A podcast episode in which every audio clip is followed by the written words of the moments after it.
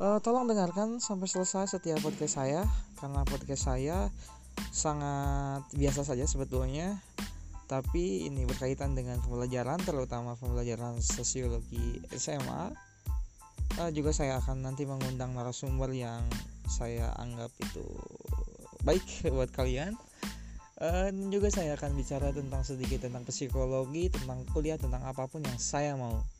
Dan jangan pernah bosan untuk bilang apa sosiologi satu